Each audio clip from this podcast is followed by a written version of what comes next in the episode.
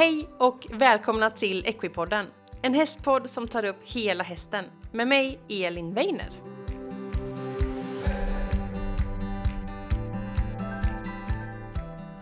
Hej alla fantastiska Equipodden-lyssnare och välkomna till veckans avsnitt av podden. Och det här avsnittet har jag önskat få till så länge för att det här avsnittet ska handla om foder och foder tycker jag är otroligt intressant för det första och det är verkligen basen för hästen och eh, jag tror jag vill att göra ett foderavsnitt sen jag typ startade podden. Eh, och det har varit lite svårt att få till och hitta någon som är bra, som kanske är oberoende, så liksom vi kan få fakta och forskning på och nu äntligen har jag fått med Cecilia Müller. Och hon är forskare på SLU och hon forskar kring de här foderfrågorna för häst. Hon undervisar också på typ veterinärprogrammet och andra program där man hanterar liksom fodring av häst. Eftersom att det är första avsnittet med foder i podden så går vi igenom grunderna, vi tittar på hästens näringsbehov, vi funderar på hur är hästen biologiskt byggd, vi pratar om att söka foder, tuggtid, födosökstid, vi pratar mycket om grovfoder, vi pratar om liksom mag och tarmkanalen, hur funkar det, vad händer i magen, vad menas med eh, mikrobiorell nedbrytning? Och så vidare. Istället sen det kopplat till liksom hur den moderna sporthästen, hur funkar den, hur fodrar den? Vi pratar om vikten av analys av grovfoder, vi pratar om kraftfoder och andra tillskott. Verkligen ett eh, grundavsnitt när det kommer till foder med kunskap som alla borde veta. Så nu ska jag sluta prata så kör vi igång veckans avsnitt med Cecilia Müller.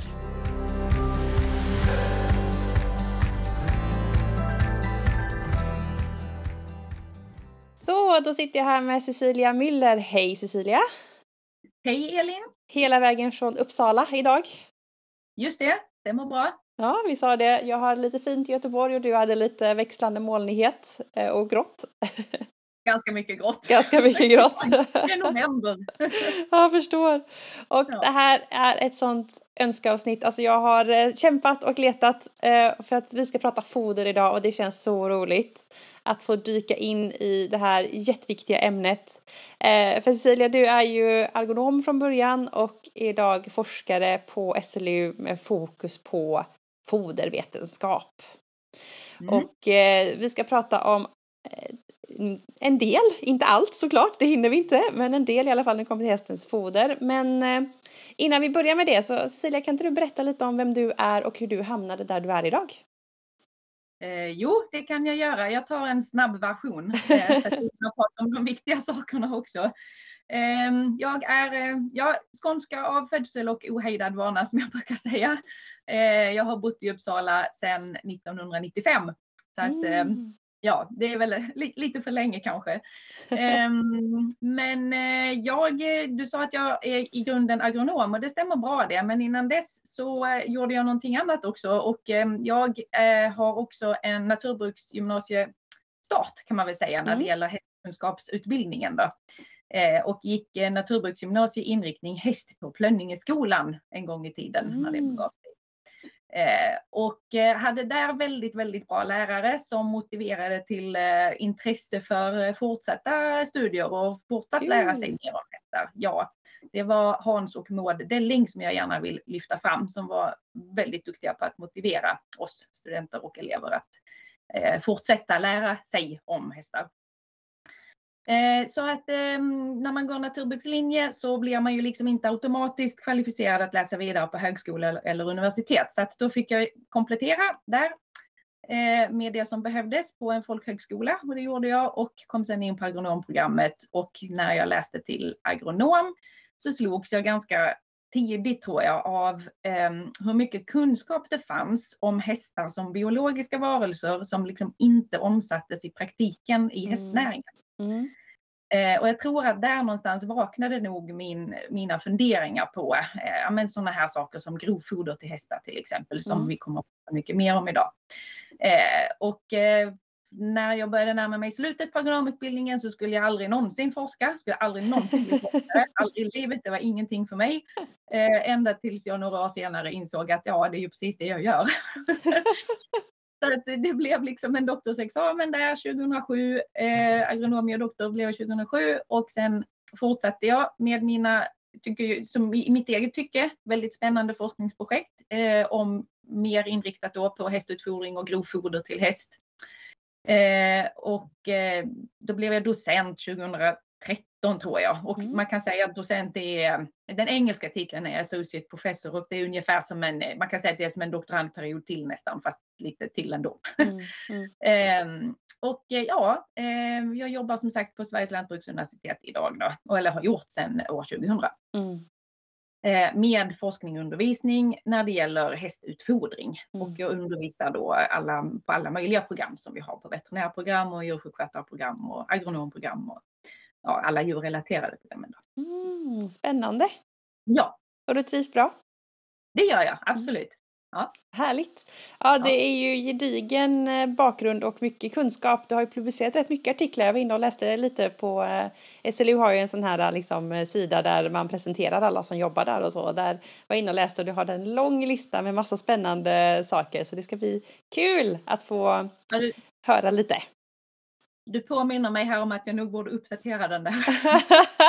det är bra, skriv en post-it-lapp så får du göra det i veckan. ja. Ja, vi ska ta oss in i det här väldigt stora ämnet och som sagt väldigt viktiga ämne och som du säger att det kanske inte alltid speglar det som forskningen säger mot vad vi ser i praktiken. Vi pratade lite innan vi spelade in det här om att det är eh, sådana stora horse-show-event just nu och där är det ju oftast mycket foderutställare och sådär så det ska, vi ska komma in på det också, vi ska börja med grunden. Så kan du inte mm. börja med att berätta lite om det grundläggande näringsbehovet hästen har och liksom det biologiska, vad behöver hästen för att fungera när det kommer till foderväg? Mm, precis. Jag tänker att det första man bör komma ihåg när det gäller hästutfodring, det är vad hästen är för någon slags djur. Mm. Vad är det? För att det, det spelar liksom ingen roll om vi tävlar hoppning eller om vi rider dressyr eller om vi eh, har en skogsmullehäst eller om vi har en travhäst eller vad vi nu än har. Det spelar liksom ingen roll eh, för hur hästen kan bryta ner sitt foder och ta upp näringsämnen från det. Det är detsamma, det har ingen betydelse vad det är för ras eller disciplin man håller på med. Eh, och det är också vad hästen är anpassad för, det foder som hästen är anpassad för eller den typ av föda som hästen är anpassad för är också den eh, som vi behöver ha mest fokus på för att undvika onödiga problem som eh, kan komma då utav en felaktig utfodring. Och eh, hästar är ju ett av de djurslag som är eh, mest eh, vad ska vi kalla det för, mest anpassat för gräs, alltså i högst utsträckning anpassat för att äta gräs mm. i olika former. Eh, så att gräset, om det nu är betesgräs eller om det är hö eller hösilage eller ensilage, det är liksom det absolut viktigaste fodret för hästarna. Ehm, och där är det egentligen ur två perspektiv. Det ena perspektivet det är eh, ätbeteende och eh, ättiden. Ehm, den anpassning som hästen har till att söka föda under lång tid varje dygn. Och den andra aspekten det är hur då mag-tarmkanalen ser mm. ut och vad den är, eh, liksom vilken funktion den har. Och båda de perspektiven talar om för oss att det här är ett strikt gräsätande djur. Mm, mm. Mm. Och eh, då tänker jag, lite som vi sa här förut, att hästen är ju liksom det biologiska och från början är ju hästen gjord för att gå på steppen och vi har ju den väldigt annorlunda idag. Men hur mycket tid behöver hästen äta? Och du sa det här att den behöver äta tid och söka foder. Hur mycket gör den det på ett dygn? Mm. Du ställer många intressanta frågor i samma fråga här. Ja, jag vet. Eh, ja, här, hur lång tid behöver hästen äta? Alltså, det här är en sån här eh, jätte, jätteviktig fråga som ingen har något svar på idag. Mm. Vi vet inte. Vi vet inte var gränsen går för eh, vid vilken ättidstimme liksom, börjar vi få problem med till exempel eh, högre risk för utveckling av stereotypa beteenden som krubbitning och, eh, och eh, luftsnappning. Vi vet inte det riktigt och det kan mm. säkert variera mellan olika individer också. Men det här är en sån riktig knäckfråga eh, som är ganska svår undersökt och det är mm. därför vi inte riktigt har något svar på det. Men om man tittar på fri, alltså fritt levande hästar Eh, så ser man att i normalfallet så betar de betar och söker föda fritt eh, någonstans mellan 10 och 14 timmar per dygn, lite grann beroende på hur stor födotillgången är och vad det är för väderlek och hur stor yta de har och vad de mm. har för, eh, för behov, det vill säga mm. beroende på vilken fysiologisk status de är i. Är det drivande ston, är det unghästar, är det gallston eller vad är det för någonting? Mm. Eh, sen så eh, finns det också studier som visar att hästarna har kapacitet att äta och söka föda upp till 18 timmar varje dygn. Men det gör de bara om det är brist på föda. Mm. Så lång tid per dygn eh, lägger, de bara på, lägger de bara på födosök om det liksom är brist på mat. Mm -hmm. Så att de måste leta mycket för att hitta någonting. Mm, mm. Mm. Jag förstår. Det är ganska mycket tid ändå. Tio timmar som minst ändå. Ja, det är det. Eh, och då ska man ju komma ihåg att hur man kan uppfylla, om, om man kan säga då att i naturen eller i fritt tillstånd eh, så lägger hästarna mellan 10 och 14 timmar varje dygn på att söka föda. Eh, och ska vi då försöka uppfylla eller kunna ge hästarna samma tidsmängd när vi har dem på stall eh, så får vi ju fundera lite grann på hur vi gör det. Det är inte alltid helt lätt att lösa eh, faktiskt. Eh, oftast på grund av att vi har begränsade ytor att hålla hästarna på. Mm. Eh, men sen kan vi ibland också själva ställa till det lite genom att ha foderstater som innehåller foder som äts mycket snabbare än Just det. den tiden det tar för hästar att söka föda ute. Då. Mm, jag förstår. Mm. Nej men det är ju, det är en, en sak att tänka tiden som är att tugga och en tid som är att leta. För att ja. I hagen har vi en hög oftast. Eller två ja. höga, tre höga kanske. Men ja. i naturen är det kanske någon kilometer att röra sig. Ja, precis. Liksom. Det kan vara flera kilometer. Mm. Det kan vara mil det rör sig om också. Mm. Eh, så att man ska komma ihåg att födosökstid och eh, ättid är ju inte riktigt samma sak. Men mm. man använder oftast de begreppen lite huller om buller om varandra utan att mm. riktigt definiera det. Så att, att ge hästarna lång födosökstid, det eh, anser vi idag vara någonting som är positivt eh, med den kunskap vi har idag, att det är positivt. Eh, att ge hästarna lång ättid eh, är ju också positivt om det inte leder till att hästen blir över, i överhull och fet. Mm, just det. Då har vi ett annat problem som vi måste också ta hand om. Precis, att man ger mer mängd för att de ska tugga längre liksom. Ja, men om det leder till fetma så har vi risk för andra hälsoproblem hos hästarna. Precis, det är också viktigt att komma ihåg. Det är en smal gräns att hålla sig på här. det är det, det är definitivt. Men samtidigt så ska man komma ihåg att eh, alla foder som ger lång ättid är ju inte, innehåller inte lika mycket eh, energi som, mm. som är, då är det som gör hästarna feta. Eh, eller som bidrar till hullet på hästen. Eh, så att om man jämför olika fodermedel, det kanske är lite i förväg vi gör det nu. Mm. I, Nej, kör på, det tror jag är jättebra. Ja, eh, men eh, om man tänker sig på ett spett ett spett vallfoder skördat tidigt. Och med mm. vallfoder det är alltså alla foder som kommer från en, från en vall och då pratar vi om sånt som hö och hösilage och ensilage och mm. eh, lucern och den typen av foder. Eh, och ehm, eh, alla eh, sådana foder som är skördade i en tidig plantmognad, som är späda plantor, plantor, de har ett väldigt högt näringsinnehåll och ett högt energiinnehåll och de kommer att ge hästen mycket energi. Medan eh, alla vallplantor som då är skördade i ett väldigt sent utvecklingsstadium, sen plantmognad, de har ett mycket lägre innehåll av energi och näringsämnen. Eh, så att det är liksom en av de saker som man kan börja med om man är i den situationen, vilket väldigt många hästägare är, att man vill ge hästen tillgång till så mycket vallfoder som möjligt och så lång ättid och födosökstid som möjligt. Eh, så kan man börja där och fundera på vad har jag för typ av vallfoder och passar det ihop med den här hästens behov? Kan jag ge den så här många timmars ättid utan att riskera att den äter dubbelt så mycket energi som den egentligen har behov av? Mm. Eh, det är en sån frågeställning som man liksom kan mm. börja med när det gäller ätbeteende och ättid. Eh, en annan eh, viktig del i det här som jag också kan tycka att många hästägare har missat, det är att halm, vanlig stråsädeshalm, är mm. också ett foder. Mm. Och det är ett sånt där, vi kan väl kalla det för ett dietfoder för hästar. det är en lite konstig beskrivning kanske, men det är ju ett foder som ger hästarna födosökstid framför allt. Eh, de pysslar och, och grejar med halmen, de letar upp, upp de delar av halmen de vill ha, de sorterar eh, och gör det under väldigt lång tid och stoppar också i sig en hel del av halmen. Mm. Um, och det gör, men samtidigt så är halmen väldigt energisnål och mm. innehåller egentligen inte något speciellt mycket andra näringsämnen. Så att, um, halmen är liksom ett väldigt, väldigt bra ättid och födosökstidsförlängande foder. Mm. Mm. Precis. Ja. Det, så är det ju. Man brukar ju Eh, många slänger in halm till hästarna för att de ska Mm. pilla lite längre fast de brukar tycka det är lite tråkigt och inte så gott.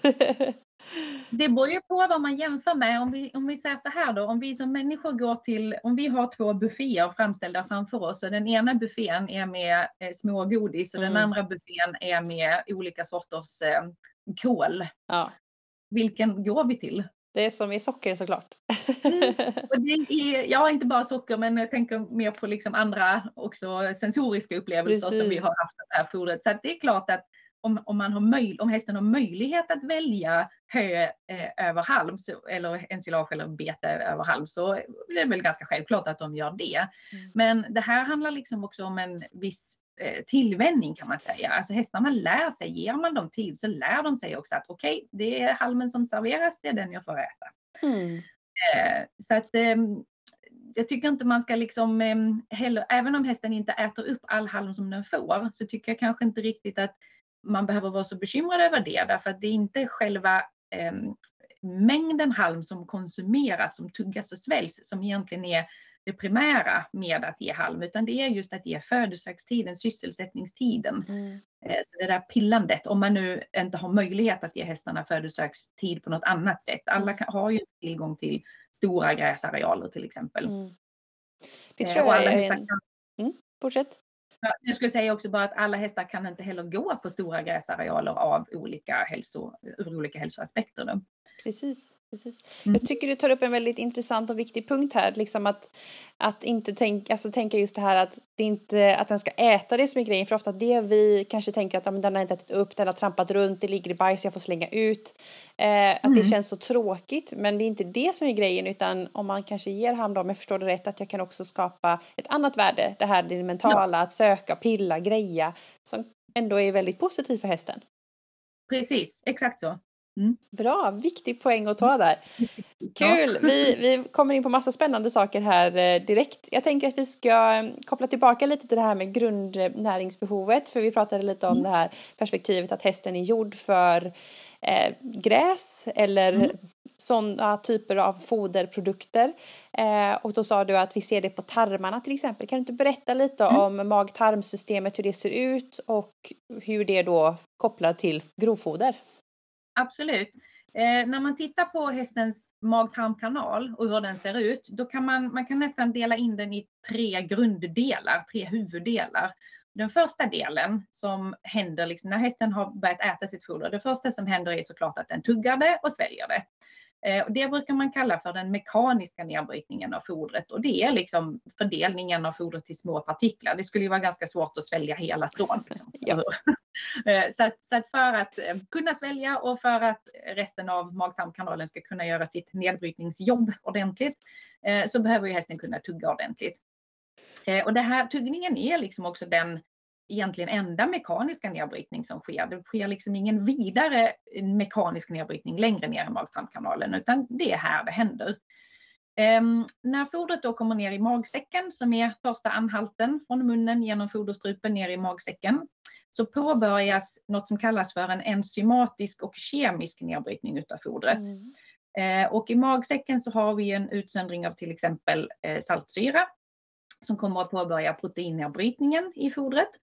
Eh, och eh, från magsäcken går fodret vidare till tunntarmen som också ingår i den enzymatiska nedbrytningsdelen. Då. Där utsöndras det ett antal olika enzymer för att bryta ner fett och aminosyror och olika, eh, olika former av eh, eh det vi kallar för eh, icke-strukturella kolhydrater. Det är alltså den typen av kolhydrater som är som stärkelse och socker. kan man säga. Mm -hmm. Eh, och då har vi liksom redan klarat av de två första delarna i hästens ner, eh, nedbrytning utav foder eller digestion av foder. Den mekaniska och den enzymatisk-kemiska. Sen kommer liksom den sista, den sista delen och den tredje delen och det är den som är den superviktiga delen och det är den mikrobiella nedbrytningen. Mm. Eh, och det är det som då händer, eh, förenklat kan man säga att den påbörjas i grovtarmen hos hästen. Nu har vi eh, tillgång till eh, ganska relativt ny forskning som visar att den här mikrobiella nedbrytningen kan börja mycket, mycket tidigare eh, än, eh, alltså innan fodret kommer till eh, själva grovtarmen, men den, är, den, den delen av den mikrobiella nedbrytningen är ganska liten i förhållande till den jättestora mikrobiella nedbrytning som sker i hästens grovtarm. Mm. Eh, och grovtarmen är då blindtarmen och de olika delarna av tjocktarmen eller kolon. Mm. Eh, och den här mikrobiella nedbrytningen, den är, det är det, den, att den finns, det är liksom det som gör att hästen överhuvudtaget kan leva på gräs. Mm. Eh, och det är ett stor, alltså stor, grovtarmen hos en häst är väldigt stor. Um, den, grovtarmen utgör ungefär 20 procent, med, med, sitt innehåll, utgör ungefär 20 procent av hästens kroppsvikt. Mm, det är mycket. Det är väldigt mycket eh, och eh, det krävs ju liksom för att ett så pass stort djur som en häst ska kunna få ut så mycket energi från gräset så att den eh, mm. kan klara sitt uppehälle. Så att mm, säga. Mm. Mm. Eh, och eh, tittar man på då dels på storleken på organen eh, kan ju ge oss en fingervisning om vilken sorts föda det här djuret är gjort för att eller anpassat för att äta. Så att grovtarmen eh, med sin storlek visar ju på att här händer någonting viktigt. Eh, men man kan också fundera lite på uppehållstiden för fodret i de olika delarna. Så från det att man har gett hästen någonting att äta tills dess att man hittar sam, ja, nästan samma sak eller nedbrytningsprodukterna från samma sak Eh, i början av grovtarmen så är det någonstans mellan två och tre timmar för de flesta fiberbaserade mm. fodermedel. Mm. Så det går liksom väldigt fort från, från mun genom magsäck till tunntarm går det väldigt snabbt. Eh, men i grovtarmen så uppehåller sig fodret mycket längre tid, mellan 20 och 40 timmar beroende på eh, vad det är ja, beroende på vad det är, hur mycket fiber det är i fodret, vad det är för typ av foder mm. och så. Mm. så det, och det behövs ju då också, för den mikrobiella jäsningen är ju en mycket långsammare process mm. än den eh, mekaniska och den enzymatisk-kemiska processen. Mm. Eh, att, eh, att, att grovfodret liksom är det viktigaste fodret för hästar, att vi säger det, det baseras ju på hur hästens fodersmältning fungerar. Mm. Eh, del, dels fodersmältningen då, men sen även de beteendemässiga aspekterna som vi pratade om tidigare. Mm. Eh, mm. Precis. Mm. Och jag tänkte bara förtydliga, mikrobiell eh, nedbrytning det har med mikroorganismer och bakterier helt enkelt ja, som hjälper precis. till. Väldigt, väldigt bra att du sa det, precis. Det finns miljarder miljarder olika typer av mikroorganismer i grovtarmen på hästen. Det är ett eget litet samhälle där, liksom, som, där alla har sina roller. Eh, och eh, det som de här mikroorganismerna gör, alltså bakterier och svampar och protozoer, det som de gör det är att de attackerar fiber, fibern i foderpartiklarna och bryter ner den och för att få, själv få energi. Och som en biprodukt där så bildas det något som kallas för flyktiga fettsyror. Mm. Eh, och de här flyktiga fettsyrorna det är alltså ättiksyra, propionsyra och smörsyra i huvudsak. Eh, och det är de som är liksom själva energisubstraten för hästen. Så att mm. de här mm. fettsyrorna de tas upp eh, ifrån grovtarmen till blodet och förser, förser sen då hästen med eh, energi. Och de står för någonstans runt 70-75 procent av all energiförsörjning av hästen. Mm. Så att det är en, en oerhört viktig energifabrik. Jag eh, förstår det. Jättehäftigt. Mm. Och det här mikrobiella samhället då, det är ju också eh, det är viktigt att, som alla andra samhällen, så är det viktigt att det fungerar smidigt så att man inte får störningar i det. Eh, och mikroberna här, de är ganska känsliga för eh, snabba ändringar, plötsliga ändringar. Eh, så att byta foder från en dag till nästa, det är till exempel inte en bra idé mm. för att mikroberna behöver tid på sig att ställa in sig och vänja om sig på att det kommer ny, ny, ny näring eller nya substrat, nytt, nytt, nya sorters fiber som de ska attackera och bryta ner. Eh, så att tittar man på eh, betydelsen liksom av, av grovtarmen för hästens hälsa så är den ju också väldigt stor. Det vill till att den här grov, stora grovtarmen fungerar som den ska för att inte ställa till problem. Så får vi störningar i grovtarmens mikroorganismer så det, kan det lätt resultera i olika typer av kolik. Eh, såklart, vilket vi ju mm. inte vill ha givetvis. Så att man får komma ihåg att det här systemet i grovtarmen är liksom rätt så känsligt för snabba ändringar.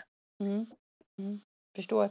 Och jag mm. måste bara fråga därför att i, i människovärlden just nu, eh, mm. jag tänker i fitnessvärlden, så pratar man mycket om eh, mikroorganismer och tarmbakterier och sådär och så säger man att olika typer av mat påverkar att om man äter mycket snabbmat så har man en viss typ av mikrobiom och äter man eh, fiberrik har man ett annat. Är det så för hästarna också? Om man till exempel är en häst som äter eh, bara gräs eller är eh, väldigt grovfoderlevande jämfört med en häst som kanske äter lite mindre grovfoder och mer kraftfoder och tillskott som vi ska komma in på om en stund. Mm.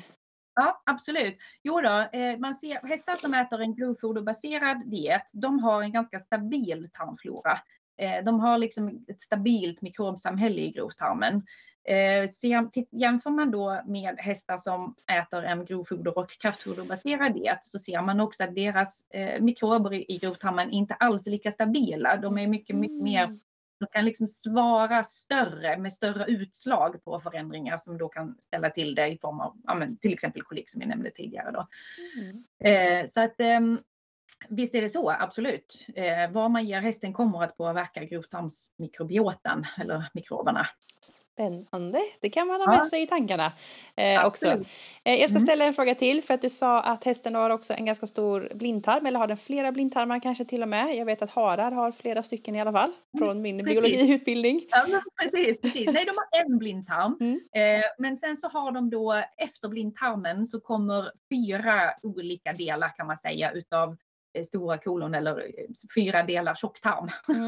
kan man säga som ligger liksom som, som slingor, eh, ja, som jäskamrare som liksom slingrar sig lite runt i, den, eh, i, i bukhålan på hästen.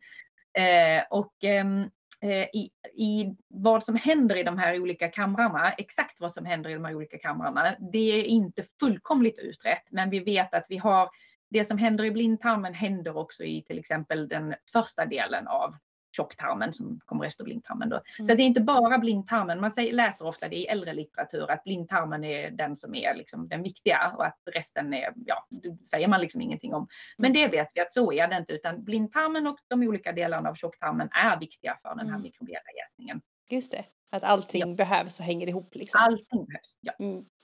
Och en blindtarm, det är egentligen en tarm som, in, som är en återvändsgränd, så brukar man säga, ja. eller? Mm. Ja, men precis, det är en återvändsgränd. Så fodret kommer liksom från tunntarmen när den här eh, kemisk enzymatiska nedbrytningen är klar, liksom i slutet på tunntarmen.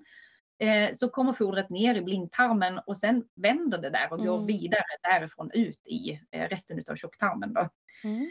Eh, och mm, det kan man lyssna på om man vill. Man mm. kan stå på hästens högra sida mm. och så lägger man örat eller ett stetoskop om man har det eh, precis eh, framför övre delen av flankvirveln så att där mm. man ser att flankvirveln liksom finns och sen så framför mot hästens huvud Eh, och någonstans, man kan också känna på det sista revbenet någonstans. Alltså, brukar man känna att det är ett litet mjukt liksom, hål, eller vad man ska mm, kalla det, mm. en liten mm. svajig punkt där. Där kan man lägga örat och lyssna, eller stetoskopet och lyssna. Och då kommer man att höra lite gurglande ljud. Det låter nästan lite som avloppsgurgel kan man säga.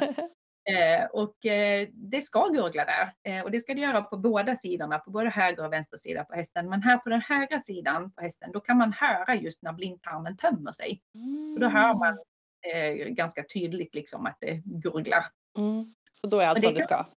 Ja, då är allt som det ska. Det kan mm. vara bra att lyssna där lite då och då mm. så att mm. man vet eh, hos sin häst liksom, och hur låter min häst normalt när den är frisk? För då kan det vara lite lättare att avgöra om det låter normalt eller inte om man en dag träffar på att hästen faktiskt inte verkar må så bra. Precis. Precis. Ja. Ja, mm. Jättebra tips. Höger sida, ja. eh, bak vid virveln och så lite framför den. Precis, precis. lyssna lite där och mm. hör på, på eh, gasen som liksom bubblar igenom vätskan i, eh, i blindtarmen där. Perfekt, det tar vi med oss nu när, i eftermiddag när man åker till stallet sen. Låter bra. Härligt, då har vi lagt lite bas. Vi har sagt att hästen behöver tuggtid, den behöver födosökstid, den behöver mycket grovfoder och eh, vi vet lite om tarmarna. Mm. Eh, jag tänkte att vi skulle ta oss vidare därifrån och, och, titta lite på hur vi fodrar eh, den moderna sporthästen eller så som vi håller hästar idag. Vad säger mm. liksom, de undersökningar man gör och hur brukar vi fodra och hur påverkar det hästen? Mm. Eh, då ska jag börja med att säga att de undersökningar som finns på hur vi utfodrar våra hästar idag, eh, av förklarliga skäl så är de ju oftast ganska begränsade i antal hästar. De är också oftast begränsade till en viss typ av hästar. Eh, och det, så det, gör, det finns liksom ingen eh, riktigt, riktigt bra registrering av hur alla i världen eller i landet utfodrar sina hästar. Så mm. det är mm. liksom ganska svårt att säga, mm. ja så här utfodrar vi hästar idag. Det, det, är jättesvårt att säga med någon stor säkerhet. Men Eh, med det sagt, så att de studier som då finns, eh, de visar att de allra flesta verkar utfodra hästarna med mer kraftfoder än vad som behövs. Mm. Eh, kan man väl plocka med sig i alla fall. Eh, och de verkar också, eh, eller de visar också att de flesta hästägare verkar utfodra med betydligt fler olika tillskottsfoder av olika slag än vad som faktiskt behövs. Mm. Också. de visar också att det är knappt, de allra flesta undersökningarna visar att knappt hälften eller ungefär hälften av hästägarna har tillgång till en analys på grovfodret. Mm.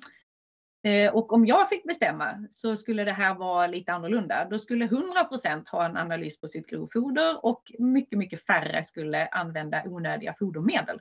Ja, just det. Hälften det ju... har tillgång sa du? Ungefär hälften, ja. Det är ju inte så mycket. Nej. Jag trodde det var mer faktiskt. Ja, det kan man tro, men ja. tyvärr. ja, så du förstår mitt önskemål där. Ja, jag förstår det. Okej, okay, så att eh, då fodrar vi inte riktigt så som kanske biologin säger att man borde göra.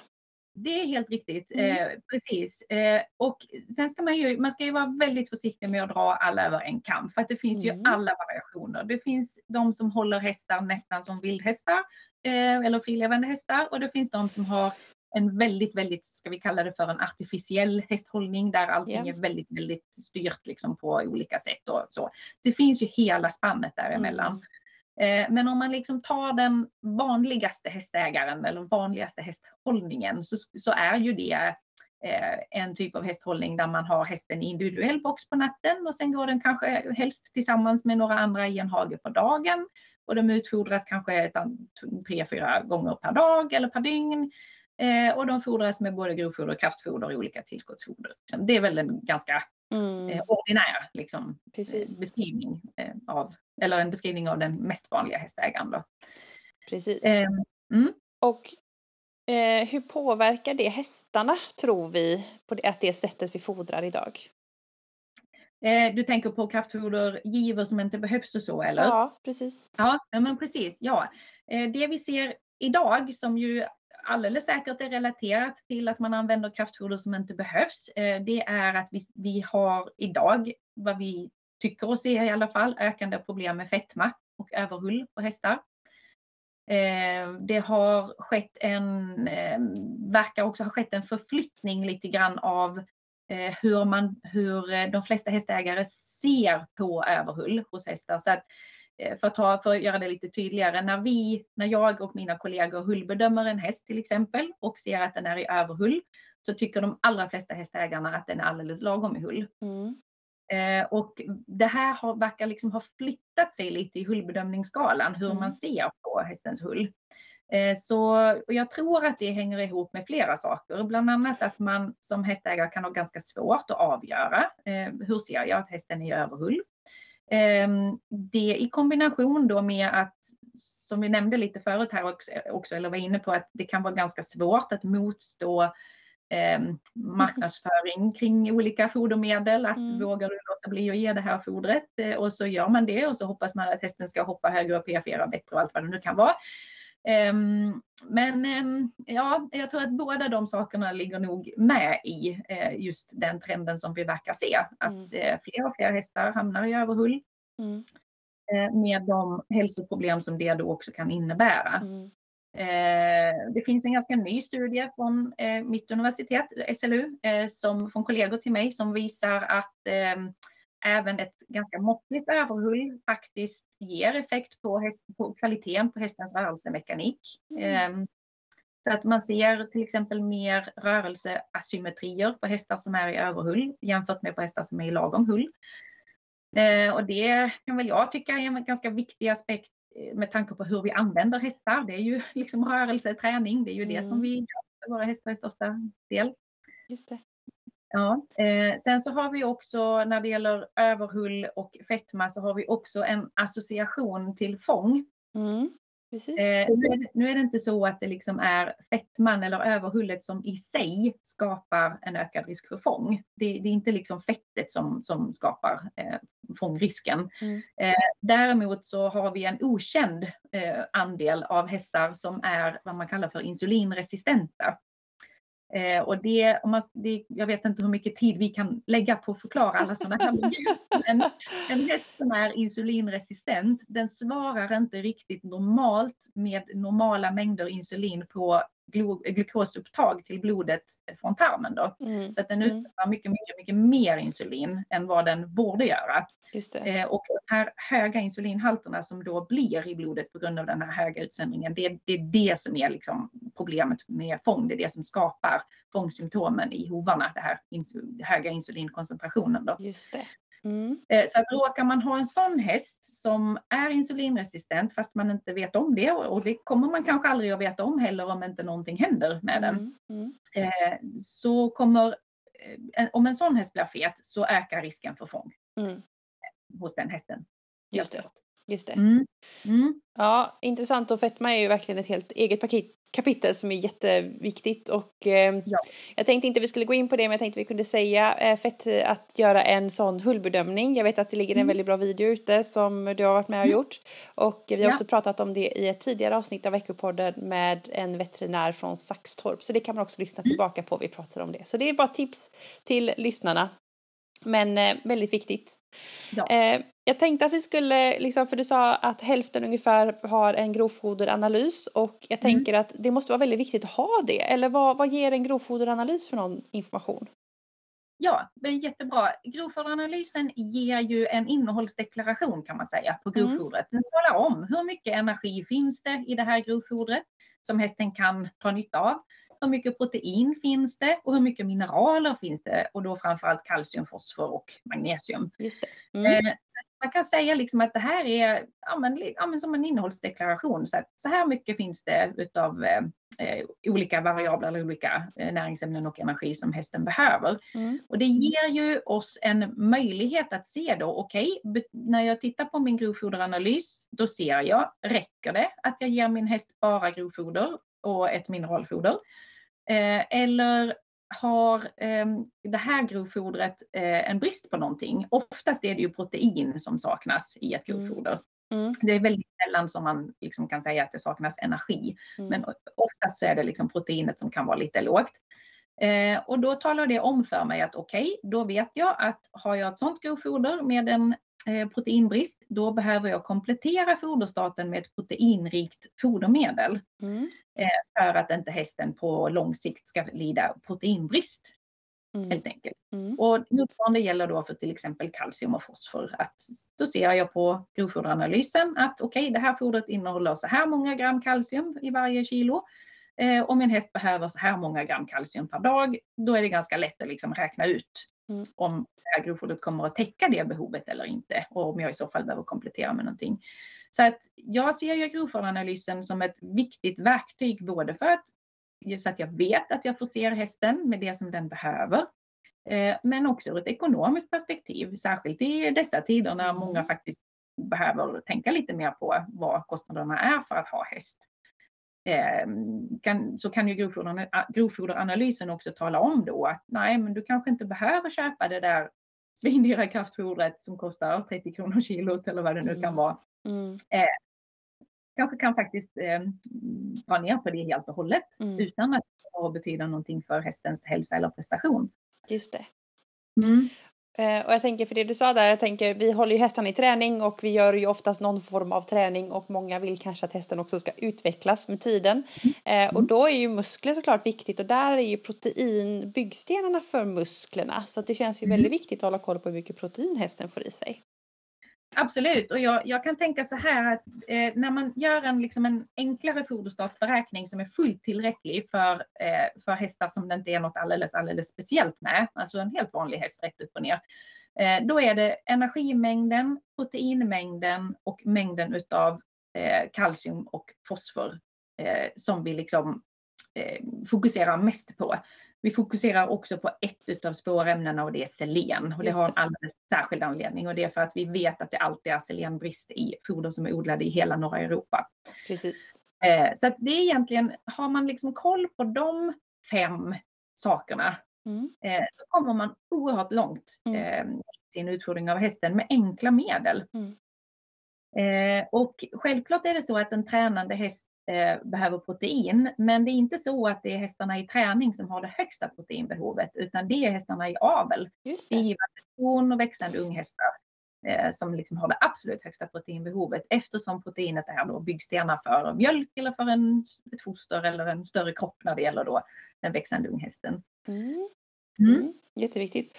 Och Ja. eh, hur noga behöver man vara när man eh, gör sin analys? Eh, jag tänker att många kanske köper av närmsta bonde som tar hö från säg fem olika fält. Behöver man ha, Mm. ha fem olika analyser eller kan man tänka i det här området, den här dalen har vi typ samma eller hur, hur noga ska man vara?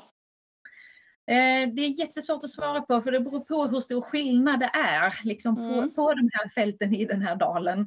Eh, De kanske är ganska lika allihopa och då går det ju jättebra att ta eh, en analys liksom, eller ett prov på, på ett samlingsprov på något fält. Eh, Eller så är de väldigt olika. En, en, ett fält kanske har bara gräs, olika gräsarter, ett annat fält kanske har både gräs och baljväxter. Eh, Och då kommer man att få lite större skillnader. Så att idealfallet så har vi ju eh, ett, samlings, alltså ett prov för varje fält och skörd. Mm. Ehm, Men har man nu till exempel väldigt många små fält som ligger kanske lite intill varann, kanske har ungefär samma vallblandning, alltså samma ingående växter, Eh, skördas ungefär samma dag eller intilliggande dagar, ja men då kan man ta ett samlingsprov. Då kan man gå och ta sina prov på, på fältet om man nu har den möjligheten eh, i samband med skörd. Eh, frysa in det och sen skicka iväg till analys. Ehm, har man inte den möjligheten att ta prov i fält så kan man göra det i efterhand också. Det är ju lättare för vanligt torrt hö till exempel att man då eh, tar eh, representativa prover från det hö man kommer utfodra med under vinterperioden. Eh, samlar ihop det och skickar in för analys. För då har man ju någon form av eh, indikation på att det här partiet kommer hästen att äta under vintern. Och då vet jag ju att det kommer att vara ungefär så här Mm. mycket energi och protein och mineraler som hästen får i sig. Mm.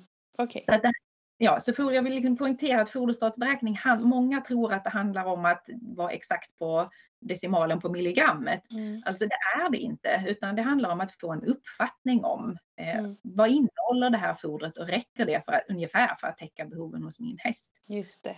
Mm. Eh, Det är nog mm. viktigt att säga det som sagt att man inte Mm. behöver vara så orolig på de här 0,5 eller 0,7 liksom. Nej, nej. Det handlar ju liksom om att till exempel ha koll på att man, att man eh, inte skapar en proteinbrist hos hästen. Eh, så att om jag tror att mitt hö innehåller tillräckligt mycket protein och det inte gör det, då kommer jag inte att märka den proteinbristen förrän efter några månader. När jag kanske kommer att börja se att ja, hästen kanske får svårt att bibehålla en muskelmassa, den kan få taskig kvalitet på päls och hovhorn Mm. framför allt. Ehm, Eh, och då, har då är liksom skadan redan skedd. Den går ju att Mm. reparera men det är ju rätt onödigt. Då Mm. kan jag få hjälp att undvika det. Eh, genom att veta via analysrapporten då hur mycket protein innehåller det här fodret. Mm. Eh, när det gäller kalciumfosfor så är det också så att vi har någonting som kallas kalciumfosforkvot. Eh, och det, vad den säger, den säger att eh, kalciuminnehållet i, ett, i en totalfoderstat måste alltid vara högre än fosforinnehållet för att vi inte ska få hälsoproblem hos hästen. Eh, och ehm, det är också en sån där sak som man kan behöva ha lite koll på. De allra flesta grovfoder innehåller mer kalcium än fosfor så att för de allra flesta grovfoder är det inte ett problem. Men någonstans runt 8-10% av de analyser jag tittar på, där är förhållandet tvärtom. Mm. Och om man då bara det grovfodret så kommer man att ha en felaktig kalciumfosforkvot hos hästen och det ger konsekvenser. Mm. Eh, Det är inte någonting som eventuellt kanske händer utan det är någonting man det kommer är att se. Mm. Ja, Mm. man kommer att se det först när skadan redan är skedd. Mm. Jag förstår. Ja. Så om jag nu då har köpt in mitt grovfoder, om jag har tagit det själv eller köpt det och så har jag gjort min analys eh, och då ska jag göra någon beräkning. Eh, visst kan man göra det på nätet? Det finns hemsidor för det, eller hur? Absolut, det finns flera stycken olika foderstatsprogram som finns fritt tillgängliga på nätet. Mm. Och vill man, vill man använda det så gör man det. Tycker man att det verkar krångligt så går det jättebra att räkna för hand. Det är jätteenkelt. Ja, det är inte mer komplicerat än så. Mm. Eh, faktiskt. Eh, och då kan man, eh, för att få hjälp då med att veta vilka behov eh, man ska räkna på för Mm. sin häst, så eh, kan man ta hjälp av någonting som heter utfodringsrekommendationer för häst. Mm. Eh, och det är ett tabellhäfte som man helt enkelt bara kan läsa av då. Det teoretiska behovet för en häst av en viss storlek och en viss typ av arbete eller Mm, aktivitet. Eh, vi kanske kan lägga någon länk till Mm. det. på. Vi lägger Ja. i poddbeskrivningen för er som lyssnar. Superbra. Mm. Och, och då tittar man helt enkelt typ, min häst eh, rör sig så här mycket eller tränas på det här sättet och ju behöver den typ så här mycket energi. Är det ungefär så det Ja. funkar? Precis, exakt så. Ja. Smidigt. Mm. Mm. Och de här hemsidorna då, de, de kan räkna ut det om man fyller i. Eh, jag har gjort det Precis. sådär, eh, man fyller i typ, jag rider så här mycket per dag typ och den, Ja. ja. Perfekt ju. Precis. Ja, så det, det är samma sak man gör. Det ena är baserat via dator och en hemsida. Det andra är papper och penna. Ja precis, funkar lika bra. Ja. Och, och då trillar det ju ut då om jag eh, behöver tillsätta någonting och det är då vi kommer in på det här äh, finliret när det kommer till grovfoder och eh, tillskott, eller kraftfoder menar jag såklart. Ja, kraftfoder och tillskott. Och, och då Ja. var du inne på att det oftast är så att det kanske är eh, lite protein som behövs. Mm, precis. Eh, Det, Och då är det någonting som innehåller mycket protein. Vad kan vi ge då? ja, och det finns det ju en mängd olika fodermedel som är proteinrika. Eh, och det finns både sammansatta fodermedel, alltså typ pellets och müsli och sånt där som innehåller flera olika proteinrika råvaror. Eh, men man kan ju också ge eh, proteinråvaror eller proteinfodermedel som de, som de är. Mm. Eh, det finns ju flera exempel. Det finns också med i den här eh, i det här tabellverket som jag pratade om tidigare. Där finns Mm. också en lista. Eh, Men eh, man kan, ska man nämna några exempel så kan man säga potatisprotein, bryggerijäst, eh, linfrökaka, linfrö, eh, rapsfrö, åkerböna, alltså den typen av foderråvaror är ju proteinrika foderråvaror. Mm. Eh, Så det jag tycker är viktigast, exakt vilket man väljer, det har kanske mer att göra med praktiska aspekter som vad får jag tag på, tillgänglighet, pris, liksom sådana Mm. saker. Mm. Ehm, Men det jag tycker är viktigt att komma ihåg om man står där och funderar på eh, att välja, om man nu behöver sätta till ett proteinrikt kraftfoder, att det verkligen är det, att det är ett proteinrikt kraftfoder så att man inte väljer ett, ett ehm, kraftfoder som liksom inte riktigt tillför det som hästen behöver. För det ser Mm. jag tyvärr ganska ofta exempel på. Mm. Eh, att man har inte riktigt haft koll på vad det var som saknades, så att man har lagt till lite allt möjligt. Mm. Vilket ju naturligtvis kostar mycket men också riskerar att skapa obalanser i foderstaten och dessutom att göra hästen fet. Mm, just det, och då kommer det här med energi. Jag tänker att om man Ja. ger en müsli till exempel så kommer den ju innehålla eh, energi också. Ja, Eh, precis. och då Alltså finns det risk att det blir för mycket. Mm. Ja, alla fodermedel innehåller ju energi också. Även proteinfodermedlen innehåller energi. Så det kommer man aldrig kunna komma ifrån. Eh, energi får ju hästen från liksom alla organiska Mm. eh, komponenter i fodret. Ja. Eh, men, ehm, men som sagt, jag tänker, man- tycker att man kan, man kan titta lite extra liksom på, om man, framförallt om man väljer ett sammansatt fabriksblandat fodermedel. Titta på vad innehåller det? Vad, vad finns det? Dels hur mycket energi och hur mycket protein det innehåller, men även vilka råvaror finns det Mm. här i? Är det proteinrika råvaror eller är det någonting annat? Mm. Mm. Förstår. Mm. Mm. Eh, viktigt att tänka på helt enkelt. Och det är ju liksom, okej, många ger kanske något kraftfoder. Det kan också vara trevligt för hästen att eh, det skramlar lite, skramlar i krubban tycker man kanske Mm. med lite morötter och grejer.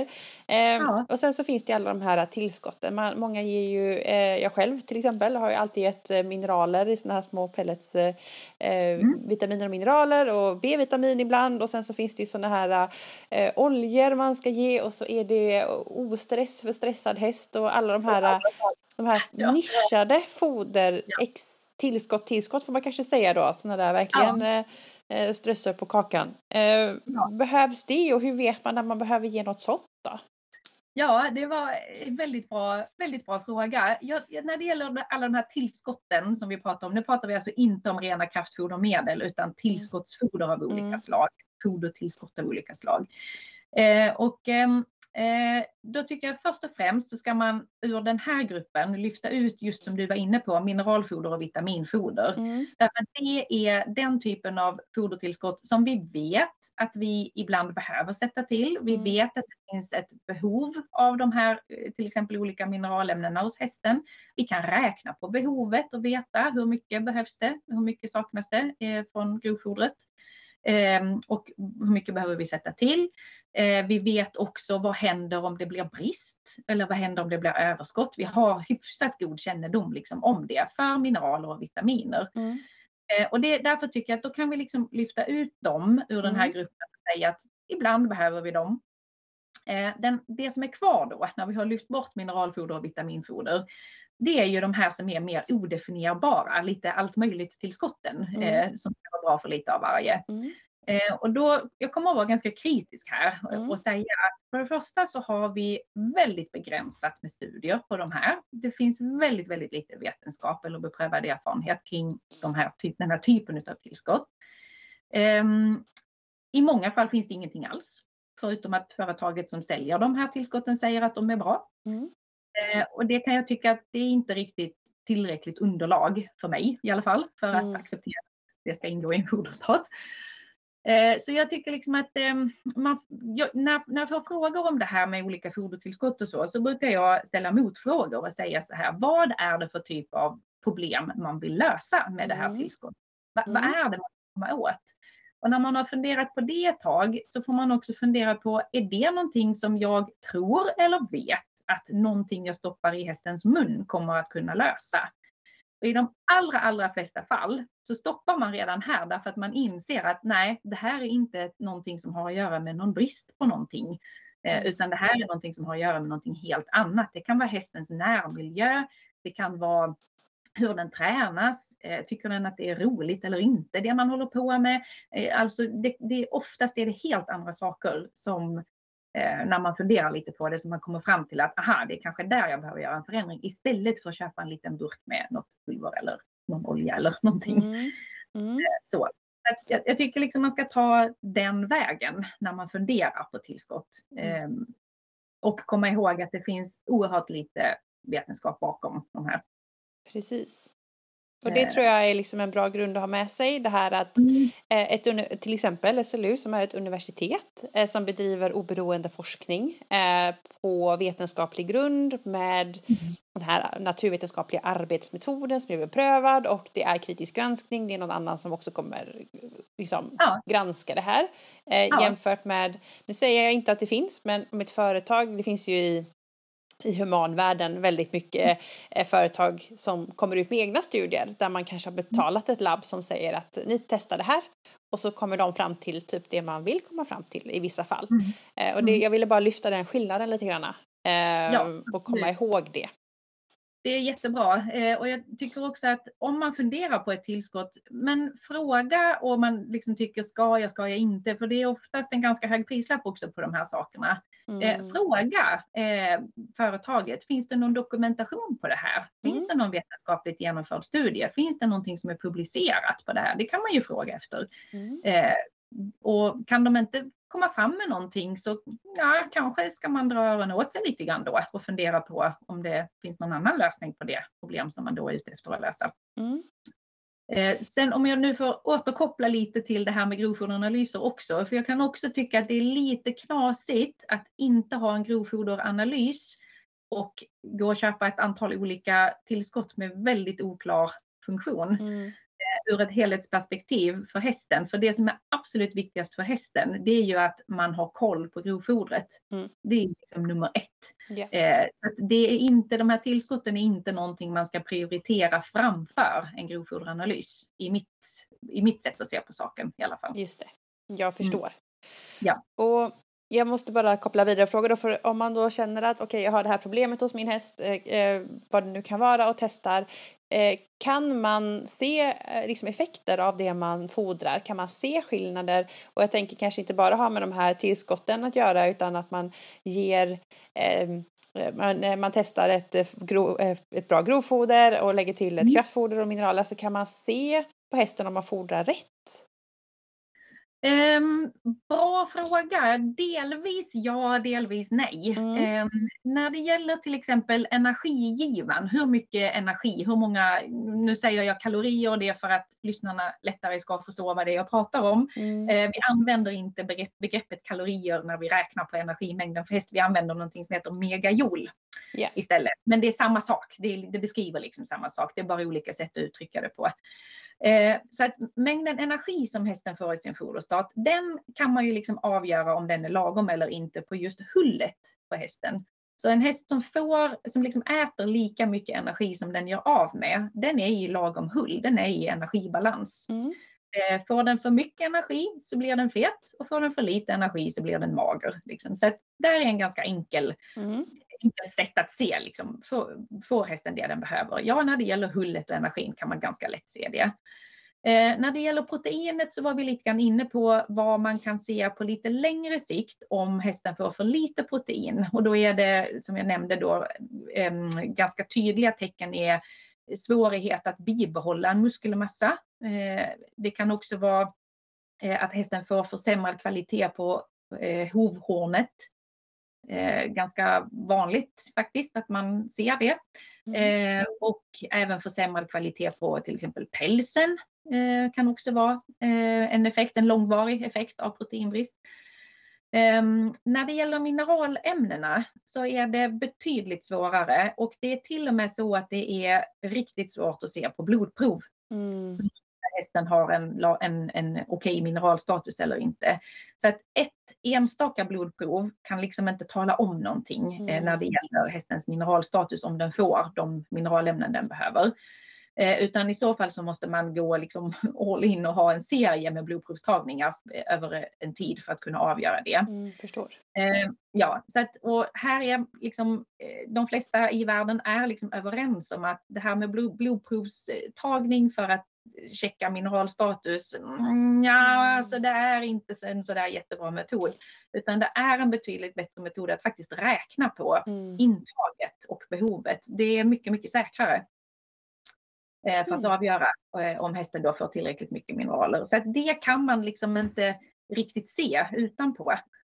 Um, om inte man har en, som jag också nämnde tidigare, då, en, en skev kalciumfosforkvot eller skev balans mellan kalcium och fosfor i foderstaten. För då kommer man också på lite längre sikt att se eh, det på hästen. Och, och, då finns det någonting som, nu är vi inne på lite detaljer och lite klurigare saker här, men det kallas för Big Head Disease. Ehm, och det heter så för att det är det man ser på hästen. Man ser att eh, skallbenet, ungefär vid kindbenen under ögonen, på nosryggen och utåt kommer liksom att nästan försvinna, svullna upp och se väldigt konstigt ut. Mm. Och det är för att hästens kropp börjar då plocka kalcium därifrån för att kompensera för den här kalciumfosforbristen. Mm. Och den kan också vissa hälta och vara öm över leder och sådär eh, när den får den här felaktiga kalciumfosforkvoten. Mm. Det är inte jättevanligt ska jag säga, det är inte en, en vanlig sjukdom som, som drabbar hästarna, men någon gång ibland ploppar den upp lite här och där. Eh, och då är det all, går det alltid att härleda till en eh, skev kalciumfosforkvot i foderstaten. Mm. Ja, så bättre att räkna än att förlita sig på att ta något blodprov då och då, för det kommer mm. inte att säga helt mycket. Mm. Det är också bra att veta för ibland tänker man så här, ja men jag vill, jag vill veta hur hästen mår, jag tar ett blodprov. Men då är det inte alltid mm. man får svar ändå.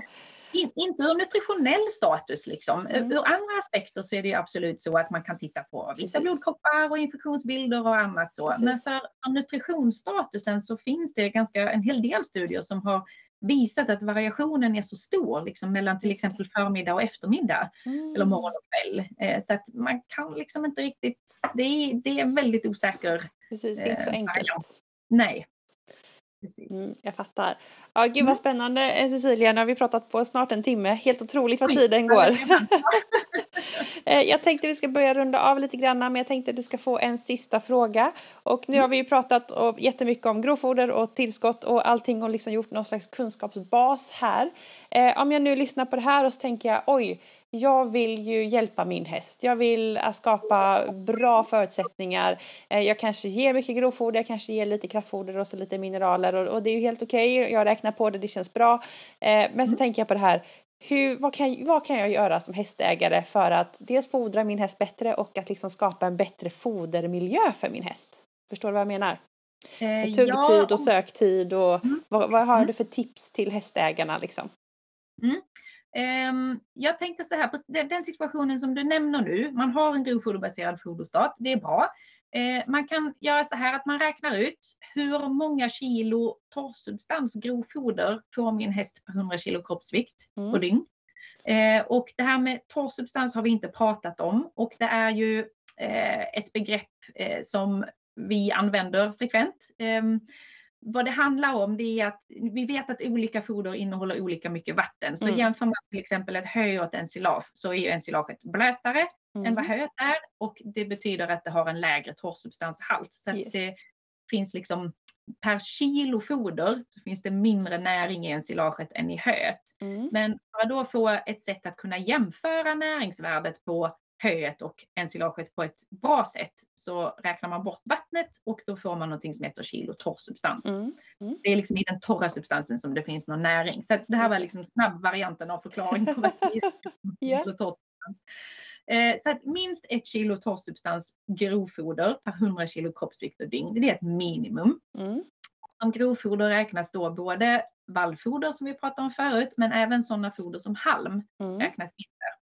Så att om jag liksom har min grovfoderbaserade foderstat och tycker liksom att hmm, ligger kanske lite lågt i vallfodermängd som det ibland kan bli. Eh, nummer ett, börja med att se, går det att ta bort kraftfodret och öka grovfodergivaren istället? Det kommer mm. ju öka tiden.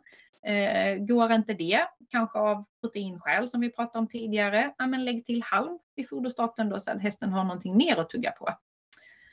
Eh, det är väl egentligen de, det första liksom som jag skulle eh, fundera på. Det andra det är ju då, jag, nu förutsätter jag att det här eh, är ett analyserat grovfoder. Yeah. Och om det nu inte är det, eh, då är det liksom nästa grej. Analysera mm foderfodret, basera foderstaten på grovfoderanalysen. Givetvis också med en utvärdering av hur hästen svarar på foderstaten. Så att, det ska man ju också, det är jätteviktigt att komma ihåg att foderstatsräkning är ett verktyg, mm. inte en mall, utan mm. ett verktyg för att mm.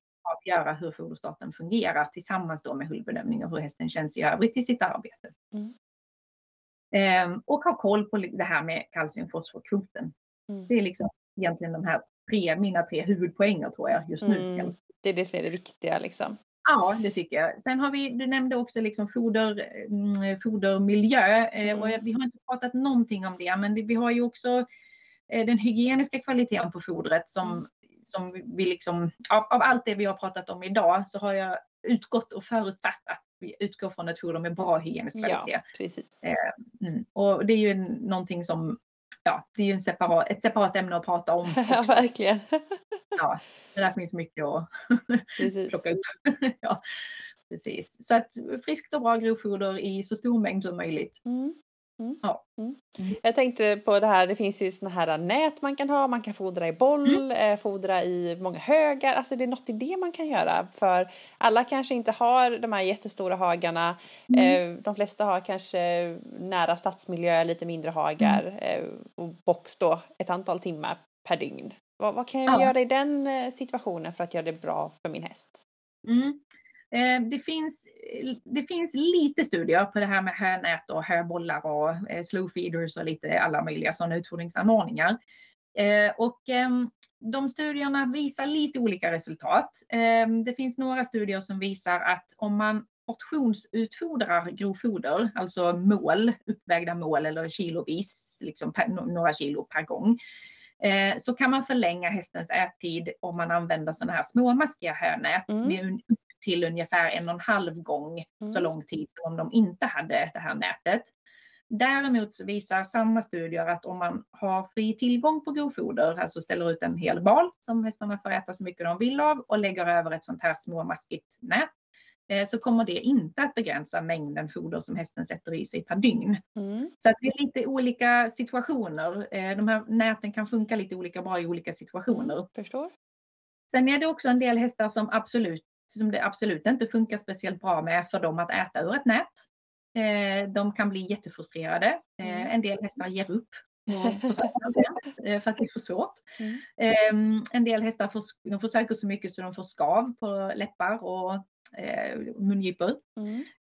Ehm, och en del hästar trasslar in sig i grejer. Så att man får, det är väldigt mycket individanpassat där. Man får mm. liksom kanske prova och se vad funkar för den här individen eh, hur, hur verkar den vara mest nöjd med eh, sin utfodring. Mm. Eh, det som är generellt som man kan säga, det är ju, nu, åter, nu återkopplar jag lite till det här med hygien då, det är att man kan lösa utfodringen på ett hygieniskt sätt. Att man eh, ser till att hästen har friskt grovfoder även vid utfodring ute i hage och så. Och det går ju att lösa på många olika sätt. Där är det bara yeah. uppfinningsrikedomen liksom som, som begränsar kanske.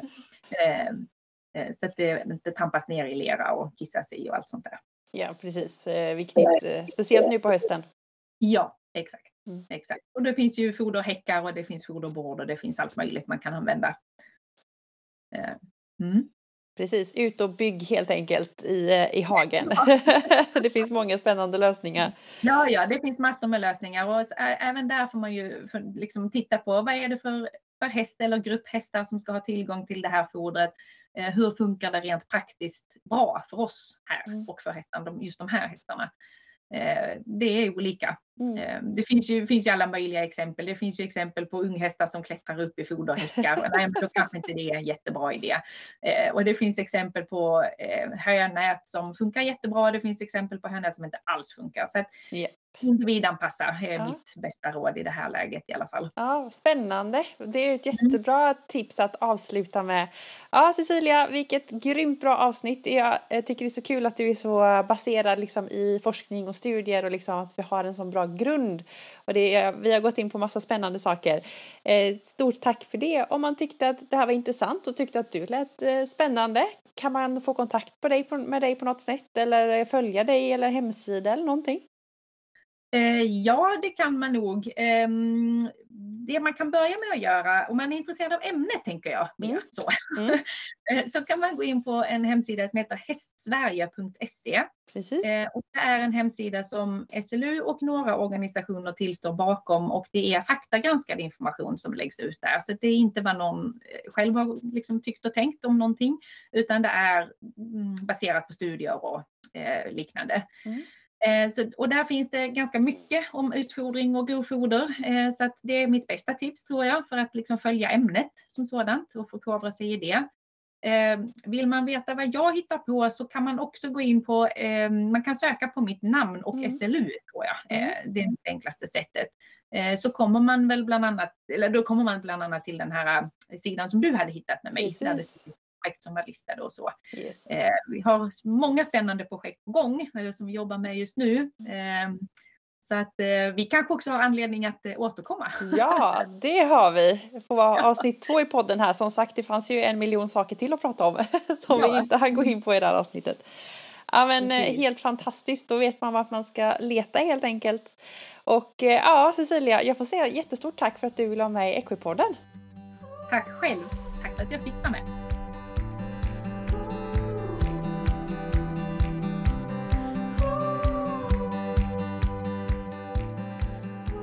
Ja, wow, vilket bra avsnitt som vi har längtat efter ett foderavsnitt. Och Cecilia hon är ju grym, hon kan ju det här och det är jättekul att bara få lyssna och dyka in och lära sig helt enkelt. Och tyckte man nu att det här var intressant så finns det en hel del länkar i poddbeskrivningen så in och kika där för där är det länkar till foderprogrammet, det är länkar lite till Hästsverige med, och från SLU med så foderrekommendationer. Så kika in i poddbeskrivningen. Och när du ändå är där och grejar så får du jättegärna lämna en recension och eh, man kan klicka i så stjärnor där du har lyssnat på podden så att fler kan hitta till podden. Det hade varit väldigt, väldigt bra. Och vill man se mer av Equipodden så finns ju Equipodden på sociala medier, på Instagram och på Facebook. Och eh, nästa vecka, då är det förebyggande träning som gäller när en veterinär som arbetar väldigt mycket med det här förebyggande och det liksom fysioterapeutiska gästar podden. Så eh, då dyker vi in i förebyggande arbete. Det ska bli jättekul. Och eh, så länge så får jag önska dig en fantastisk vecka så hörs vi snart igen. Hej då!